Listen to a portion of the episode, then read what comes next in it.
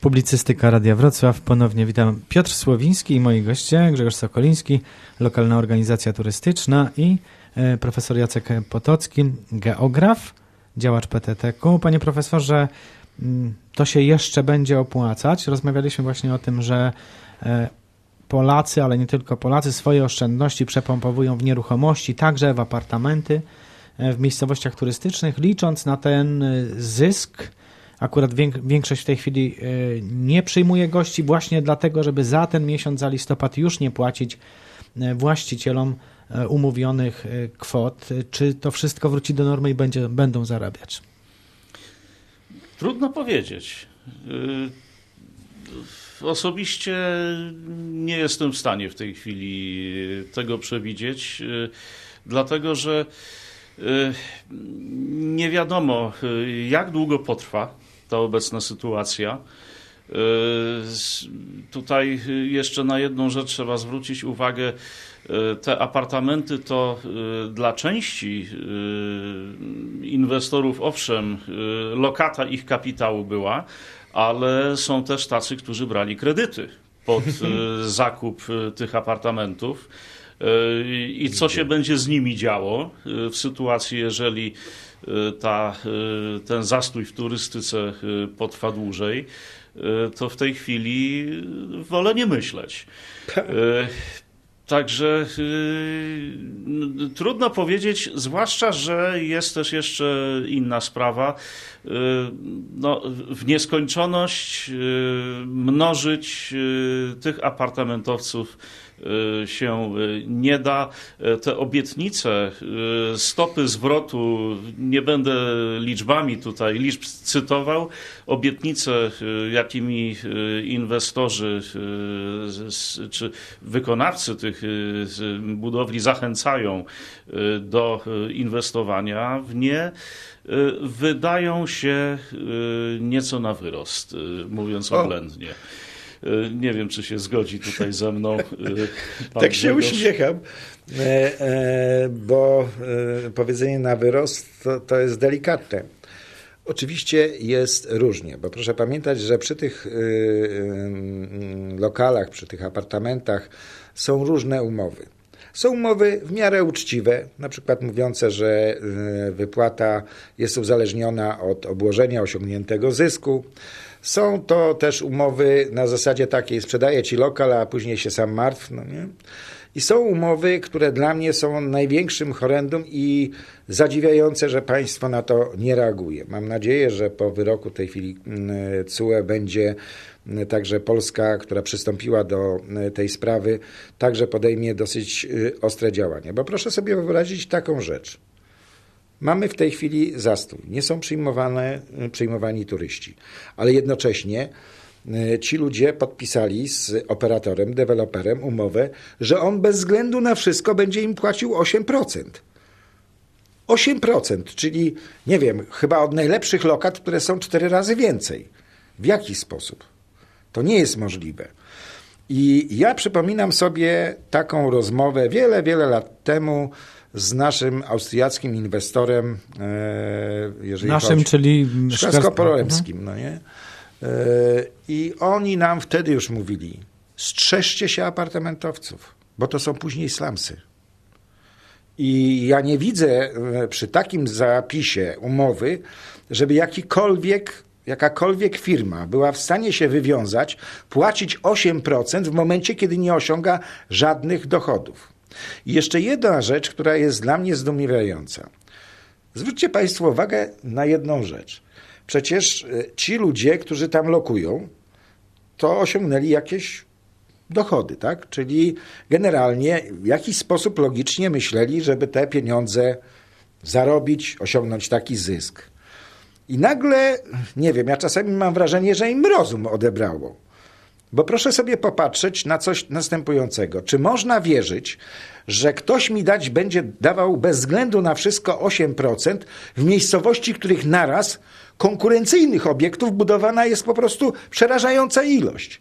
No to... to jest mechanizm stary jak świat. No generalnie skoro sąsiad zarabia i może, a mi oferują podobny biznes na podobnie świetnych warunkach. To jest okazja i okazja jest dzisiaj do 14 i jutro już jej nie będzie i muszę się zdecydować. A ja za 5,14 wpłacam, a o 14 dowiaduję się, że nic z mojego biznesu, tak? Może być. Tak może być, bo to jest biznes i po prostu to też jest ryzyko gospodarcze, ale ja nie chcę, żebyśmy rozwiązywali wszystkie problemy za właścicieli, bo tam naprawdę są różne sytuacje. Oczywiście, że tak. E, Są takie budynki, które są zarządzane przez wspólną firmę. Są takie, gdzie właściciele sami zarządzają i właściwie nie umiem w tej chwili powiedzieć, które z tych rozwiązań okaże się lepsze, bo każde ma wady, każde ma zalety, a wystarczy, że na przykład apartamentowiec w całym tym duży budynek przestanie być ogrzewany albo przestanie do niego dochodzić woda.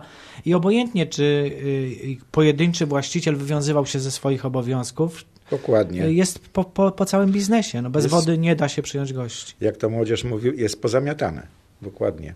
Ale mm, rzeczywiście jest tak, że tych y, form y, własności zarządzania jest bardzo y, dużo. Tyle tylko, że mm, nie ma możliwości, aby bez końca y, te obiekty budować, bo jest określona chłonność miasta w zakresie i chociażby komunikacyjnym, i to mamy przykład w Szklarskiej Porębie, i mamy też y, określoną ilość zasobów, które możemy na to y, przeznaczyć. Nie można do końca, bez końca tego robić. Jednocześnie polskie prawo jest takie, w którym rola samorządów jest y, w tym zakresie dosyć y, słaba. I wracam do tego, co powiedziałem wcześniej. Miejmy nadzieję, że wzorem innych państw rząd polski wprowadzi wreszcie pra, sprawę, doprowadzi wreszcie sprawę najmu krótkotrwałego do rozsądnych granic. Ponieważ na dzień dzisiejszy to także jest podnoszone przez przedsiębiorców w branży turystycznej. To jest także, panie redaktorze, nieuczciwa konkurencja. Dlaczego? Dlatego, że jeżeli coś jest na zasadzie e, lokalu mieszkalnego, To ma na przykład dopłaty do wody, inne tak, ceny różnych nie usług. tylko to, płaci podatek od nieruchomości niski, tak? Czyli samorządy z tego też nie mają zwrotu, muszą na to wykładać, a nie mają z tego zwrotu. E, Wiele sankcji, które... Wtedy ktoś już nie ma tych y, opłat lokalnych, czyli tego tak zwanego klimatycznego, no bo przecież on przyjmuje w mieszkaniu gości, Tak, a nie ma... 100 tysięcy różnych preferencji, związanych chociażby z wymogami, które obiekty branży hotelarskiej, noclegowej muszą wypełniać, bo to, to jest bardzo Przed- dużo tych. Mhm, Rozumiem. Y, A tutaj praktycznie Od przeciwpożarowych po sanitarne i całe tam różne. Panie profesorze, czy, bo jednak turystyka to nie tylko apartamenty i apartamentowce, to także ci, którzy świadczą usługi, czy oni przetrwają? Bo oprócz biur podróży, bo jest taki żart, że jedną z najpiękniejszych atrakcji Karkonoszy jest Praga, bo te wycieczki do Pragi gości mieszkających w Karkonoszach to było naprawdę masowe zjawisko. Tak. To ci, którzy wozili, ci, którzy byli pilotami, to przecież oni no, nie mają z czego żyć. Nie Powiem, powiem w ten sposób. Y, Turystyka też jest bardzo niejednolita. I ta covidowa sytuacja y, jednych przedsiębiorców czy usługodawców uderzyła bardzo mocno, y, a inni są tacy, którzy tego specjalnie nie odczuli. Już nie będę wchodził w szczegóły, ale właśnie to, co pan redaktor powiedział, piloci, przewodnicy, przewoźnicy, no to są, y, to jest ta, czy to są te grupy, które właśnie najmocniej y, zostały uderzone. Y, Ale y, powiem, że y, w tej chwili y, można się spodziewać, że y, trochę y, ta sytuacja y, epidemiczna, jaką mamy, może zmienić całą strukturę ruchu turystycznego.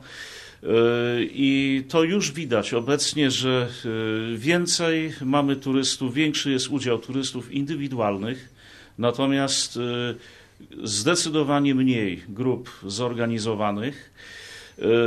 I z tego względu właśnie przewodnicy, piloci y, w tej chwili pracy za wiele nie mają.